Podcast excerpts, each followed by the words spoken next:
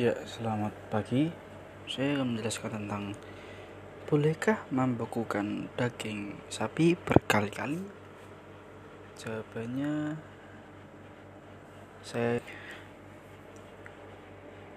Orang-orang memilih untuk membekukan daging sapi untuk memperpanjang masa penyimpanannya. Daging sapi beku bisa dicairkan kembali sebelum dimasak. Terkadang daging sapi yang sudah dicairkan ini bersisa dan tidak terpakai seluruhnya dalam proses memasak. Daging sapi yang sudah mengalami proses pencairan atau defrosting sebenarnya bisa dibekukan kembali akan tapi proses pembekuan kembali ini akan merusak cita rasa daging Alasannya proses pembekuan kembali daging sapi akan membuat daging sapi kehilangan kelembapannya. Proses ini juga akan membuat tekstur daging berubah. Oh.